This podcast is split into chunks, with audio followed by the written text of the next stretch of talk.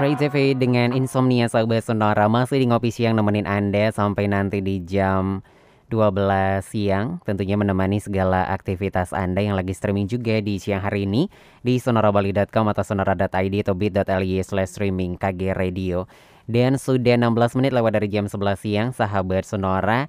Dan tentunya ini ada informasi di mana pada Jumat 11 Juni gitu ya sekira pukul 19 lewat 30 waktu Indonesia Barat ini Satuan Reserse Narkoba Polres Metro Jakarta Barat ini menangkap Anji Sahabat Senora di sebuah perumahan di kawasan Cibubur. Ini mengenai penyalahgunaan narkoba dan tentunya ini uh, menambah deretan uh, public figure seperti itu yang tertangkap uh, menggunakan ataupun menyalahgunakan uh, narkoba ini sahabat Sonora. Dan siang hari ini topik kita adalah penyalahgunaan narkoba di masa pandemi COVID-19. Ini uh, berkaitan sekali dengan uh, informasi yang baru saja kita bahas nih sahabat Sonora. Dan tentunya di studio saya tidak sendiri di siang hari ini karena untuk membahas topik ini saya sudah kedatangan Kabak Bin Opsnal di Tres Narkoba Polda Bali AKBP DRS IGD Sujana. Selamat siang Pak. Selamat siang Pak Putra. Apa kabar Pak? Baik sehat selalu. Oke, sehat ya. Kita akan membahas penyalahgunaan narkoba di masa pandemi COVID-19. Betul sekali. Ini Pak menarik uh, karena beberapa hari yang lalu ini uh, salah satu public figure tertangkap Betul. gitu ya, Pak Anjir. ya. Ini di masa pandemi pula gitu. Nah, yeah. sebenarnya mungkin sebelum uh, ke sana ini juga menjadi alasan ya kenapa sih uh, uh, penting membahas penyalahgunaan yeah. di masa pandemi? Apakah sebelum pandemi sama pandemi itu ada peningkatan yeah. penyalahgunaan narkoba atau seperti apa? Yeah. Terima kasih Pak Putra. Sebelum menyampaikan kepada pembahasan pokok tentang pengembangan kasus di masa pandemi, kami juga menyampaikan sekilas informasi kepada pendengar Radio Sonora bahwa kita berada di Pulau Bali ini semestinya kita sebagai orang Bali apa yang dikatakan tadi oleh Pak Putra ya, tentang adanya keterlibatan oh, yang di luar Bali itu jangan itu menjadi pedoman untuk hmm. dilakukan di sini. Bali ini merupakan daerah tujuan wisata, mari kita apa namanya kontribusi kita terhadap wisata mari kita pada intinya mari bikin Bali itu bersinar artinya bersih daripada narkoba hmm. Nah di sisi lain uh, masih juga terjadi uh, apa perkembangan-perkembangan kasus yang uh, seperti peredaran narkoba di Bali kami informasikan pada kesempatan ini bahwa di pandemi ini uh, tidak mengurungkan daripada niat pelaku atau tersangka daripada hmm. pengedar narkoba di wilayah hukum Polda Bali. Untuk tahun 2020 ini kan uh, di awal pandemi, hmm. yeah, yeah, yeah. di awal pandemi su sudah terjadi uh, 575 orang itu 259 kasus di awal, tapi sekarang uh, di apa namanya baru lima bulan jalan, hmm. Kan, Mei Juni, nah hmm. baru lima bulan sudah 304 tiga ini signifikan sekali. Artinya perbedaan antara tahun sebelum pandemi dengan hanya pandemi masih masih fluktuasi tidak artinya hmm. tidak beda-beda berat beda-beda tipis sekali ini hmm. artinya uh, peredaran masih cukup di Bali ini masih cukup signifikan walaupun dari sisi jumlah uh, barang buktinya uh, yang berupa narkotika psikotika walaupun jumlahnya sedikit tapi hmm. masih beredar hmm. masih beredar di kita nah untuk itu uh, mari kita samakan persepsi masyarakat Bali yang ada di Bali menjaga Pulau Bali apa yang saya baru saya sampaikan tadi mari kita ber, apa wujudkan diri bersinar dulu eh, artinya dari diri sendiri kita bersinar bersinar narkoba hmm. lingkungan baru ke um, meluas meluas meluas baru ke wilayah uh, Pulau Bali hmm. karena Bali sebagai destinasi wisata kalau Bali ini tidak mampu mengamankan Bali untuk clean dari narkotika nanti berbahaya. Hmm. Mudah-mudahan ke depan harapan daripada kita sebagai orang warga Bali yang banyak berkecimpung di daerah pariwisata yang dulunya bisa bekerja pariwisata karena ada pandemi uh, agak berkurang sedikit tapi mudah-mudahan ke depan karena kemarin sudah dibuka Pak Putra hmm. hmm. apa namanya pesta seni yang menarik yeah, yeah, orang yeah, Bali datang ke Bali uh, dengan tarikan orang Bali uh, orang luar Bali datang ke Bali mari kita amankan Bali jangan sampai beredar narkoba Hmm. Itu niat Pak Putra. Oke, nah kita uh, melihat di pandemi ini Bali sepi, namun peredaran iya, narkoba ya, tidak sepi tidak seperti sepi. itu ya Pak ya. Betul Pak Putra. Oke, ini kalau kita melihat kejadian ataupun TKP-nya ya, ini kan Bali luas nih Betul Pak ya. sekali. ya. Ini paling marak terjadi uh, peredaran narkoba ini di mana sih Pak? Terima kasih Pak Putra itu pertanyaan baik sekali. pen- eh, apa namanya pemirsa radio Sonora di mana berada, kami informasikan mudah mungkin pendengar ada di wilayah eh, hukum di mana paling banyak terjadi peredaran narkoba. Yang pertama adalah di wi- wilayah hukum eh, Polresta dan artinya Kodia. Ini Kodia apa sebab di Kodia ini? Karena banyak terdapat tempat-tempat seperti restoran, bar-bar, kafe-kafe, ah, yang itu yang apa sangat memungkinkan bagi pelaku-pelaku narkoba, peredaran narkoba bisa mengedarkan. Nah, untuk itu harapan kami eh, yang berada di wilayah yang berdekatan dengan artinya berdekatan dengan tempat-tempat tadi mohon kiranya pasang mata dan telinga bantu aparat dalam rangka untuk pencegahan. Kalau ada informasi silakan Bapak dan Ibu yang menginformasikan kepada aparat akan diamankan. Tidak. Tunggal ini mungkin tidak. Kita mengamankan. Kita berterima kasih kepada masyarakat yang sudah memberikan informasi kepada polisi khususnya Ditres Narkoba Polda Bali, mungkin dengan BNN. Eh, terima kasih dalam rangka pengungkapan kasus ini. Banyak yang diberikan oleh masyarakat informasi-informasi yang berhubungan dengan eh, tersangka di mana dia menyelinap. Terima kasih sekali. Hmm. Oke, kalau eh, ini kan banyak kasus terjadi di Kodia gitu ya Betul Pak ya. sekali. Jadi kalau melihat selain memang di perkotaan yang memang banyak kafe dan lain sebagainya tempat nongkrong, yang Nongkrong. memudahkan untuk ketemu Betul gitu. sekali. Tapi apakah di desa tidak menutup kemungkinan juga eh, terjadi Pak peredaran narkoba ini? Terima kasih Pak Putra. Eh, itu artinya di wilayah wilayah Kodia ini di desa-desa mungkin di tempat-tempat mungkin tahu di teman pancing yang Hmm. siapa yang jauh dari pantauan apa keramaian di tempat-tempat yang sepi. Biasanya transaksinya di tempat-tempat yang sepi. Artinya ada di taman-taman bunga, kemudian ada tempat-tempat yang tidak mudah dipantau oleh orang banyak. Hmm. Dan bahkan ada juga di tempat-tempat yang paling banyak yang sering kan tempat kos. Pura-pura dia lancong sama temannya. Iya, iya, iya. Nah, ke tempat kos di sana dari transaksi. Hmm, Nah, mudah-mudahan melalui apa yang kita bahas ini sama Pak Putra, mudah-mudahan bagi eh, masyarakat kita, saudara Bali yang memiliki rumah-rumah kos, mari kita sepakati, kita amankan Bali melalui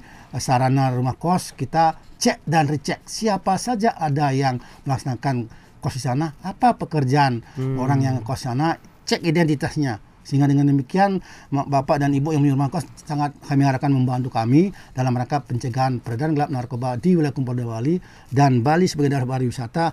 Nah, dari sana Bapak dan Ibu berpartisipasi artinya mau bersama-sama polisi untuk mencegah adanya peredaran narkoba di Bali. Oke, dan ini mungkin eh, salah satu yang namanya eh, kerjasama juga seperti itu Betul. Pak ya, sebagai Teamwork. yang penyedia kos juga harus teliti Ah, nih betul. siapa yang ngekos di sini, dari mana, mana, pekerjaannya pekerjaan apa, apa, gitu ya. ya. Kalau sering rame nih ngapain Ah, aja ngapain, nih nah, rame itu, gitu betul ya. sekali, Pak Putra, Ini betul. Hmm. penting nih. Tapi kalau kita eh, peredaran narkoba, kalau saya baca itu kan modusnya banyak, Banyak sekali, sekali, Pak ya. ya. Kadang nggak masuk akal juga. Iya. Ini modus-modus yang eh, banyak digunakan dalam peredaran ini seperti apa? Oh, terima kasih. Modus-modus yang kami tangani selama pengungkapan kasus ini ada sistem tempel. Misalnya dia nempel di pohon. Dia mungkin sebenarnya udah perjanjian. Oh. Saya akan tempel sana kamu ambil di sana seperti itu di pohon. Kemudian eh, apa? Ini yang yang menarik sekali ada dibuat benda seperti beton tapi di dalam beton itu apa butir-butiran kecil. Nah, kayak bola-bola kecil di dalamnya itu ada narkoba Ah, seperti itu dia modusnya. Seperti itu. Kemudian eh, ada melalui yang ini udah biasa mungkin jasa pengiriman. Pura-pura ada bik- ngirim kue apa ngirim apa barang apa di dalamnya ada. Kurir gitu, itu, Pak, ya? kurir ya. Hmm. seperti itu. Kemudian ada lagi apa namanya eh, berupa eh, batang-batang pohon. Batang-batang pohon itu kan seperti batang bambu kan dipotong di dalamnya ternyata berisi tuh seperti kelapa juga seperti modusnya itu dan modus-modus yang terbaru ini oh baru ini dis- diselipkan mungkin biasa sudah di radio atau di media elektronik Hmm. diselipkan di uh, hasil pertanian seperti kemasan-kemasan jagung, beras, uh, apa namanya lagi kelapa yang dikirim-kirim melalui karung-karung itu di sana diselipkan. Di sana seperti modus-modus sehingga dia mengecohkan aparat kita. Tapi kita tidak kalah karena kita berse- bekerja sama dengan masyarakat, berkontribusi dengan masyarakat sehingga masyarakat itu mau memberikan informasi bahwa uh, ada peredaran yang mungkin dia temukan. Kemudian yang berikut diselipkan pada masker Pak Putra ini masker ini kan Sekarang kita lagi- pakai ini ya ngetren masker ini pura-pura oh dibagikan masker di dalam masker itu ada kan orang tidak curiga, eh masker. Sekarang zaman pandemi pakai masker. Ternyata masker itu dimanfaatkan untuk melaksanakan sana peredaran narkoba. Kemudian ini yang menarik. Kue dicampur dalam kue brownies. Nah, ini ini seolah-olah ngirim kue, kue brownies. Di dalamnya ada narkoba. Seperti itu. Banyak sekali yang apa peredaran yang sekarang eh, modus-modus baru. Hmm. Seperti itu, Pak. Hmm, Oke, kalau kita mendengar ini memang eh, modus-modusnya itu di luar akal sehat Ah, ya Pak betul, ya. Kalau kita betul. sebagai masyarakat biasa, nampaknya kalau dikirim kue brownies ya Ya, udah berarti kue ya, begitu ah, saja. aja, ya. Namun ternyata di dalamnya ada narkoba. Mungkin Narkoba. ini jadi benar-benar perhatian juga bagi masyarakat ya. Eh, sekarang apalagi di masa pandemi, masker pun bisa dimanfaatkan Ini seperti betul sekali, itu ya. Tapi kalau kita di Bali ini kan tidak hanya penduduk eh, Bali saja Pak Betul. ya, non Bali pun Bali. ada di Bali seperti itu. Tapi Betul. kalau melihat dari kasus eh, peredaran narkoba ini eh, seperti apa Pak antara Bali dan non Bali ini? Oh, terima kasih Pak Putra itu pertanyaan bagus sekali. Kita mohon maaf kita eh, mengajak saya orang Bali asli, mungkin Pak Putra orang Bali asli. Mari kita orang Bali asli kita amankan Bali ini supaya jangan terjadi peredaran narkoba, klenarnya dengan narkoba. Tetapi kenyataannya kami berdasarkan data yang kami impun dalam pengungkapan kasus ini hanya beda-beda tipis ini Pak Putra. Oh. Saudara kita beda-beda tipis. Ini dengan tersangka ini untuk tahun 2020 tersangka delap- 917 917 ini orang Balinya 373 kemudian orang luar Bali 500 eh, 18 ini beda-beda tipis ini hanya beda-beda tipis tersangkanya ini oh ini artinya orang Bali artinya belum mampu mendepend dirinya sendiri dalam rangka untuk mengatakan no terhadap narkoba. Yes berprestasi. Artinya orang Bali belum bisa menyatakan war on drug, belum bisa menyatakan perang terhadap, narkoba. Kemudian di tahun 2021 ini baru enam bulan lah anggap Iya. berjalan. Enam bulan anggap berjalan. Ini orang Bali mohon maaf orang Bali lebih banyak tersangkanya. Eh, 213 dengan 201 luar Bali. Ini kita ah, gimana? Ah, mudah-mudahan ah, melalui kesempatan ini orang-orang Bali yang sebagai pemirsa untuk melihat lingkungannya kalau memang ada hal seperti itu mohon segera segera koordinasikan dengan kami. Ah, kami akan mengamankan informasi tersebut sehingga dengan demikian ah, tidak banyaklah apa terjadi tersangka-tersangka orang Bali oh, yang melaksanakan peredaran narkoba. Karena kita kalau tidak kita yang mengamankan Bali, siapa lagi yang mengamankan Bali itu udah pulau surga. Bali itu pulau seribu pura. Bali adalah pulau apa namanya destinasi wisata yang terkenal di mancanegara. Mari kita amankan Bali ini supaya tetap Bali budaya agung lurindah. Itu Pak Putra. Oke, dan ini menjadi perhatian ya bagi kita karena kita yang punya nih Iya, Pak betul ya. sekali. Jangan sampai kita yang punya malah kita nih Ah, yang betul membuat, sekali, membuat. Bali Iya, ini betul tidak sekali. bagus apalagi bagus. dengan nama-nama tadi jangan sampai beberapa tahun ke depan malah Bali sebagai seribu narkoba kan ngeri Hmm. Nah, juga itu ya Pak. sekali. ya. Miris sekali itu ya. Oke, sekali. ini eh, jadi perhatian kita bersama nih sahabat sonora terutama eh, bagi kita yang masih muda seperti Iya, betul itu sekali. ya. Oke, nanti kita lanjut lagi nih Pak Iya. untuk membahas. Kita Yes. menjeda dulu untuk di siang hari ini. Tentunya bagi sahabat sonora yang mungkin ada pertanyaan boleh sampaikan aja sampai nanti di jam 12 siang.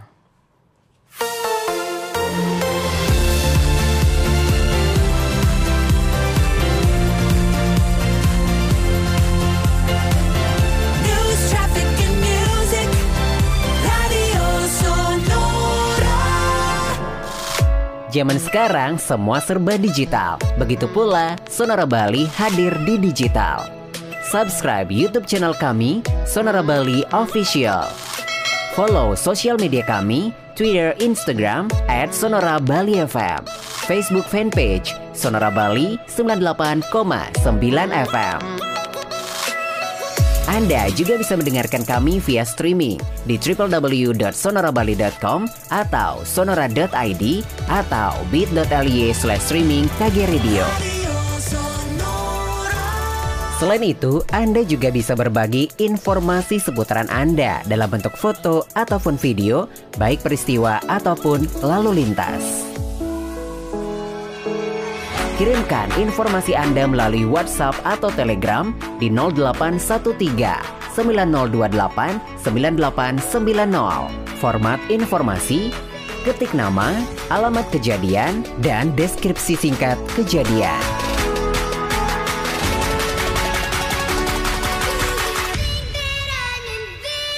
Informasi Anda akan kami bagikan melalui on air di 98,9 FM atau melalui sosial media kami, Twitter, Instagram at Sonora Bali FM, Facebook Sonora Bali 98,9 FM, dan YouTube channel Sonora Bali Official. Mari kita sama-sama berbagi informasi bersama Radio Sonora Bali, a part of Kompas Gramedia Radio Network. Masih di ngopi siang sahabat sonora nemenin Anda sampai nanti di jam 12 siang. Tentunya kita masih membahas penyalahgunaan narkoba di masa pandemi COVID-19.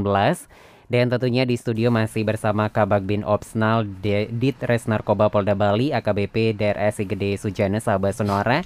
Dan tentunya kita akan melanjutkan Pak Gede ya untuk membahas topik Pak kita. Ya. Tadi udah banyak sekali nih kita bahas eh, mulai yang sangat eh, mungkin menarik sekali eh, yang di luar kepala kita tentang modus-modus yang ya. digunakan gitu ya. Tapi kalau melihat ini kan jalur masuk Bali ini banyak nih Iya, Pak ya. Eh, bagaimana nih jalur masuk ke Bali eh, peredaran narkoba ini? Terima kasih Pak Putra dan eh, pemirsa Radio Sonora di mana berada. Ah, mungkin eh, para pendengar Radio Sonora ini mungkin berada di wilayahnya dari jalur masuk, mungkin bisa nanti bisa mengantisipasi dengan apa namanya dari lingkungan sana. Yang pertama jalur masuk eh, peredaran narkoba ke Bali, mungkin yang resmi itu adalah dari barat yaitu dari Gilimanuk. Gilimanuk ada penyeberangan Hmm. penyeberangan di sana dicek Pak Putra mau dicek kan itu pakai alat mungkin ada manusianya mungkin manusia itu kan tidak mempunyai kekuatan 24 jam mungkin eh, mungkin dimanfaatkan adanya celah-celah tertentu tapi polisi dan petugas lainnya itu tidak mungkin akan memberikan celah tapi dia memanfaatkan celah sehingga dia masih bisa masuk ke Bali. Nah itu Gilimanuk itu itu super ketat sekali tuh di sana Pak alatnya ada, kemudian petugasnya ada, kok masih bisa dia eh, apa eh, masuk ke wilayah Bali. Nah kemudian ke ke kanan lagi ke Teluk- Telukan Bawang itu pelabuhan mungkin tidak seketat di di Gilimanuk ini pelabuhannya. Eh, mungkin dari sana bisa masuk ini. Celah-celah yang masuk. Ini namanya eh, pelaku atau tersangka pengedar dia memanfaatkan celah peluang yang dia bisa masuk ke mana. Pasti dia masuk itu. Kemudian ke kanan lagi Pati Tulamben. Nah ini Pati Tulamben kan daerahnya kan timur Bali itu kan eh, apa namanya kalau dia lewat masuk sana kan masyarakat sana kan tidak tidak padat. Ada celah-celah pantai ada celah-celah apa rawa-rawa apa hutan-hutan kecil lah namanya tumbuh-tumbuhan hutan-hutan kecil di sana yang tumbuh di sana kan mungkin dia di sana menyelinap bisa jadi. Nah untuk itu mungkin saudara-saudara kita yang ada di wilayah pesisir itu ya minimal apa minimal pasang mata dan telinga. Itu bagaimana melihat situasinya bagaimana mendengarkan adakah tidak orang lain sini lewat dia apa pekerjaannya dia dia mencari apa apa betul dia mancing apa betul dia apa refreshing ke sini? Nah, seperti itu seperti itu kemudian ke kanan lagi penyeberangan eh, di- Pantai Ahmad ini Pantai Ahmad ini sekarang kan sudah daerah pariwisata Oh, Ahmed. iya, iya, iya. Ahmed kan Hmm. sudah pariwisata di sana dulu sebelum pandemi ini Ahmed transit untuk ke Gili Oh, transit untuk iya, Gili iya, sana iya. sana banyak apa namanya pariwisata-pariwisata yang wisatawan-wisatawan yang mau ke Gili sana transit dia di sana dia untuk pemungkinan Pantai Ahmad itu Hmm. bisa apa namanya tersangka penyelundupan narkoba bisa lewat sana Hmm. Nah, di sana eh, kemudian penyerangan Padang Bayi ya Padang Bayi ini kan sudah pakai alat dan sama dengan Gili Manuk Hmm. Nah, masih bisa juga ini dia memanfaatkan apa kelemahan kita atau kelemahan Celah-celah, ya. itu namanya celah-celah untuk bisa masuk mengedarkan narkotika Hmm. kemudian Nusa Penida Nusa Penida apalagi ini kemarin Hmm. uh, Kelungkung Polres Kelungkung ada nangkap dulu Nusa Penida itu clean pak clean ternyata sekarang ada Hmm. Udah masuk juga ya masuk juga peredarannya. baik dia sebagai pemakai maupun dia sebagai pengedar ada di sana. Hmm. di sana pulau kecil. Dulu tidak mengenal namanya narkoba di sana awam sekali. Hmm. tapi sekarang sudah mengenal dengan informasi teknologi yang sekarang dan IT Hmm. sekarang udah merambah.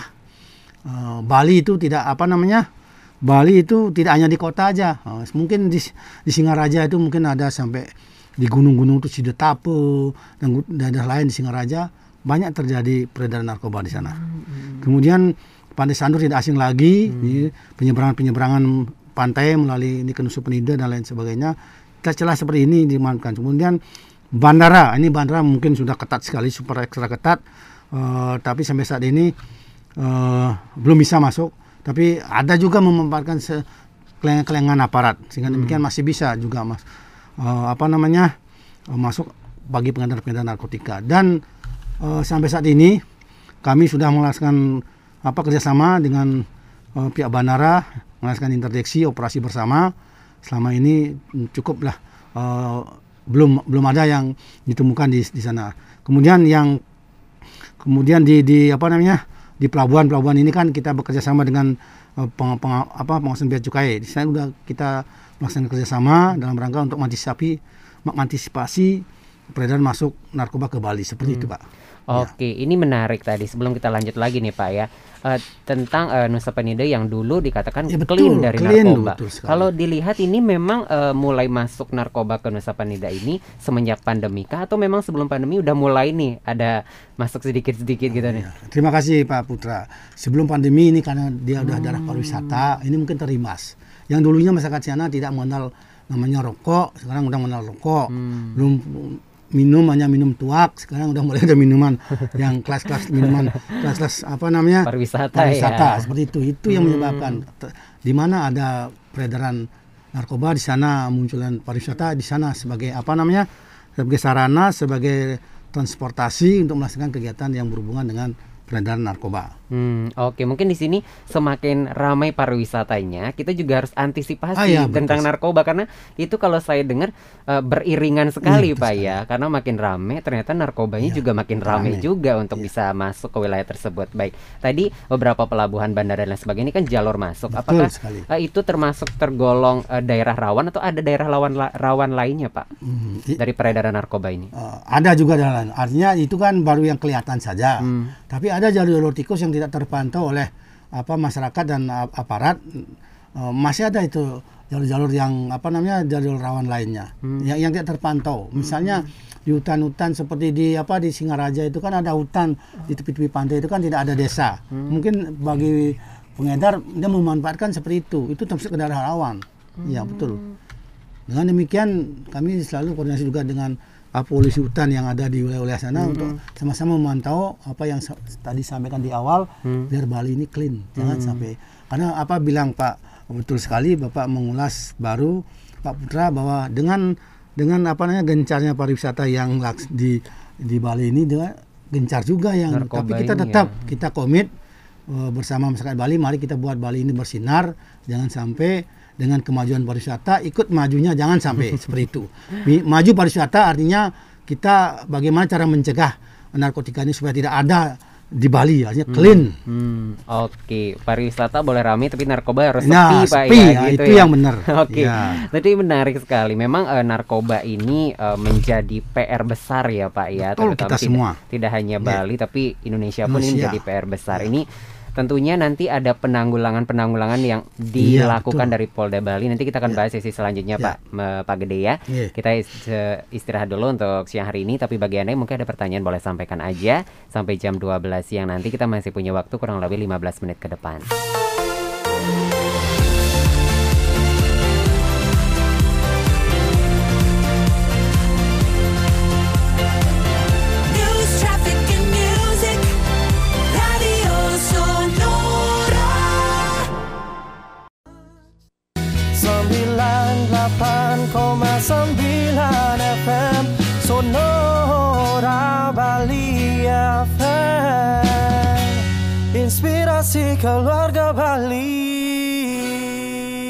Sonora Bali FM Bapak Top Kompas Gramedia Radio Network Masih di Ngopi Siang sahabat Sonora Dan ini sesi terakhir ya Kita membahas penyalahgunaan narkoba di masa pandemi COVID-19 Dan pagi ini kita lanjut lagi ya Karena Ya, kalau tadi eh, banyak sekali modus Terus juga eh, jalur-jalurnya Jalur, gitu ya, ya Ini sekali. apa yang penanggulangan penanggulangan yang sudah dilakukan nih Ya.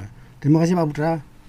Penanggulangan-penanggulangan yang kami sudah lakukan selama ini dalam mengantisipasi peredaran gelap narkoba di wilayah Kompolda Bali, eh, kami mengambil sisi dari dua sisi.